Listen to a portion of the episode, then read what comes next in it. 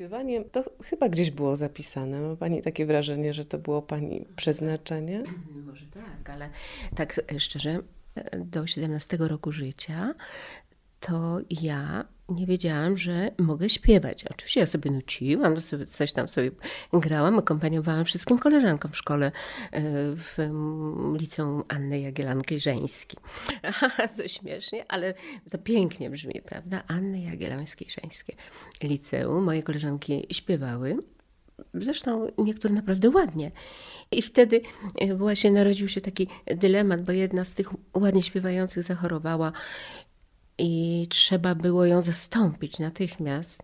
No i widząc takie przerażenie w oczach mojej pani profesor, która przygotowywała y, chyba jakąś uroczystość szkolną, po prostu powiedziałam do niej, że, mm, że ja mogę to zaśpiewać. Żeby ona się już nie denerwowała tak strasznie. A ona mówi tak, no to proszę bardzo, spróbuj. No i spróbowałam y, po tej próbie Pani profesor tak spojrzała na mnie wściekła i powiedziała: No Boże, przecież teraz możesz śpiewać na wszystkich akademiach. Także troszkę było śmiesznie. No, a potem koledzy panią przez przypadek zupełnie y, już śpiewającą w jakimś zespole big beatowym, tak? No, ale wciągnęli... Męskie liceum, mhm. żeńskie liceum, no i stworzyliśmy zespół Alabama, w którego skład ja też wchodziłam jako jedyna kobieta, bo reszta to była z męskiego liceum Asnyka. No i wciągnęli panią przez przypadek na jakiś no, konkurs. Myślę, oni sobie to zaplanowali, tylko. Ale oni źle na tym wyszli. No okropnie. To było naj...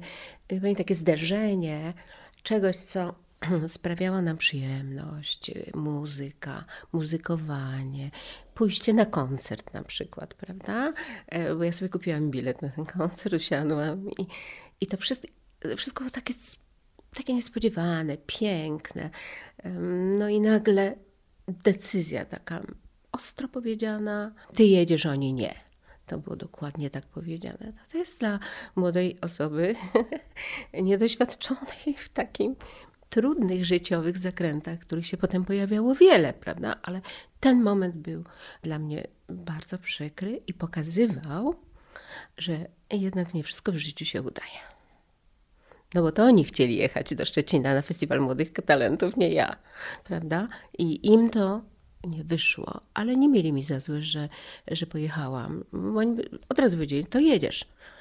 Pani ma takie porównanie, jak to jest występować na scenie w dwóch czasach, w dwóch epokach. W trzech. W trzech nawet. I czy można w ogóle powiedzieć, co było gorsze, a co było lepsze? Czy da się porównywać te czasy? Nie, ja myślę, że nie. E, czas dla artysty jest zawsze, wydaje mi się, podobny. E, możliwe, że to wszystko, co nas otacza, czyli mm, forma przygotowań, e, jakość tych przygotowań, jakość występów typu sala, nagłośnienie, oświetlenie, to jednak z czasem rzeczywiście ewoluowało i e, robiliśmy ogromne postępy. Już pani nie musiała zazdrościć tego nie. wszystkiego, czego zazdrościła wyjeżdżając za granicę. Ja, ja i tak zazdrościłam, bo oni zawsze byli lepsi. I niezależnie od tego, jak, jak bardzo szliśmy do przodu u nas, to naprawdę zawsze Ameryka czy Europa Zachodnia zawsze była lepsza od nas. A kiedy marzyłam sobie, że po 90 roku wejdą do mm, Polski e, te piękne, wielkie firmy fonograficzne. I ja będę nagrywać mm, do woli, to wtedy się okazało, że jestem w wielkim błędzie. Że naprawdę nikomu nie zależy na polskim katalogu i na tym, żeby ten katalog rozwijać, że ten malutki dział w tych wielkich firmach polskiego katalogu, to on był po prostu mikroskopijny. Funduszy na, na rozwój y, było prawie zero, także polegało to na tym, że poszukiwano artystów, którzy nagrają za darmo, napiszą swój repertuar, e, zaśpiewają go naturalnie, wykonają i przepiszą to wszystko na tą firmę. Oczywiście byli artyści, którzy się ustrzegli takiego traktowania, no ale kilka wspaniałych osób wpadło w sidła. I to osoby, które cenię do dziś. Nie chcę wymieniać nazwisk, bo to nie jest sprawa, którą no, powinnam o której powinnam mówić, ze względu na to, że te osoby mogą sobie tego nie życzyć. A w czasach PRL-u musiała Pani stawać przed egzaminami? Klasy jakieś przyznawane były artystom? Pani była artystką której klasy? No, na, najpierw byłam artystką klasy B. Zdałam egzamin w Ministerstwie Kultury. I zdałam ten egzamin, pomimo że byłam studentką e, Wyższej Szkoły Muzycznej w Poznaniu. Na czym to polegało? No, Czym się pani musiała wykazać? Musiałam zaśpiewać. tak. A potem, po zaśpiewaniu chyba dwóch piosenek, odpowiadałam na pytania. Pytania były z bardzo różnych dziedzin, generalnie z kulturalnych. No i trzeba było się wykazać znajomością po prostu literatury, często wcale nie muzycznej, takich podstawowych pytań maturalnych. nic nie było w tym trudnego, naprawdę. W każdym razie dla mnie nie było nic. Może trafiłam dobrze. Wiem, że um, pani Hania Bielicka e, zadała jakieś takie bardzo śmieszne pytanie, które mm, dało mi do zrozumienia, nie przejmuj się kochana, już zdałaś. To było takie zabawne, co nie potrafię tego powtórzyć dziś. A to było ważne, żeby mieć klasę, bo od tego zależały kontrakty? Nie, nie, kontrakty to może nie, ale wynagrodzenia. Ponieważ jeśli nie mieliśmy tych zaświadczeń z ministerstwa, to nie można nas było zatrudniać. Mając takie zaświadczenie, mogliśmy współpracować z estradami, poznańs- no ja z poznańską konkretnie.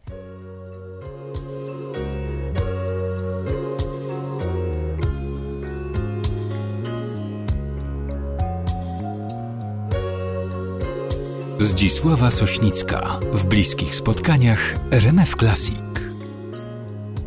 Czy zdana Pani była wtedy mm, zupełnie na siebie w kwestii takiej, na przykład jak Pani wygląda na scenie? Zdecydowanie sami byliśmy sobie yy, wizerzystami. Ma Pani swoją krawcową na przykład? Wszyscy, tak, wszyscy, wszyscy mieliśmy swoje krawcowe. Każda inną, bo nie, nie bardzo można było dołączyć, o czym się przekonałam w roku 83 na festiwalu w Opolu, kiedy jedna z bardzo znanych projektantek zaprojektowała mój kostium na ten występ. I dopiero na scenie zorientowałyśmy się, Krysia Prońko i Maryla Rodowicz, że mamy ten sam kostium, tylko w innych kolorach. Śmiałyśmy się nies niesamowicie. Mi się wydawało, że to jedna z najgorszych rzeczy, jakie się może mogą no zdarzyć. No, a Chanel, prawda? Kostiumik ten sam, tylko w różnych kolorach.